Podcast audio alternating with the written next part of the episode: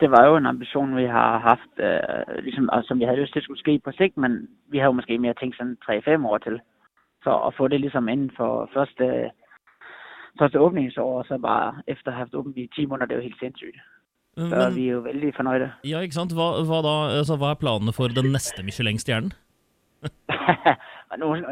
må man huske, hvert år så skal man jo beholde og fornye sine stjerner, så det er jo første fokus, det er, vi skal beholde den, som vi har nu.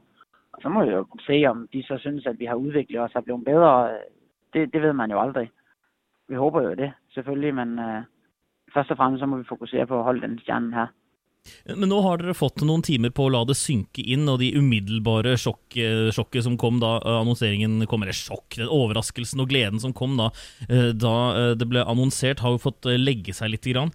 Eh, Hva tenker du nå, nå som det har gått noen timer? Jeg er jo veldig stolt, og veldig stolt av alle folk, som liksom er- med på prosjektet, eller har vært med på projektet og omkring det, så alle ansatte, liksom det, jeg er veldig takknemlig for alle dem, og uh, så vi er vi kæmpe stolte nu.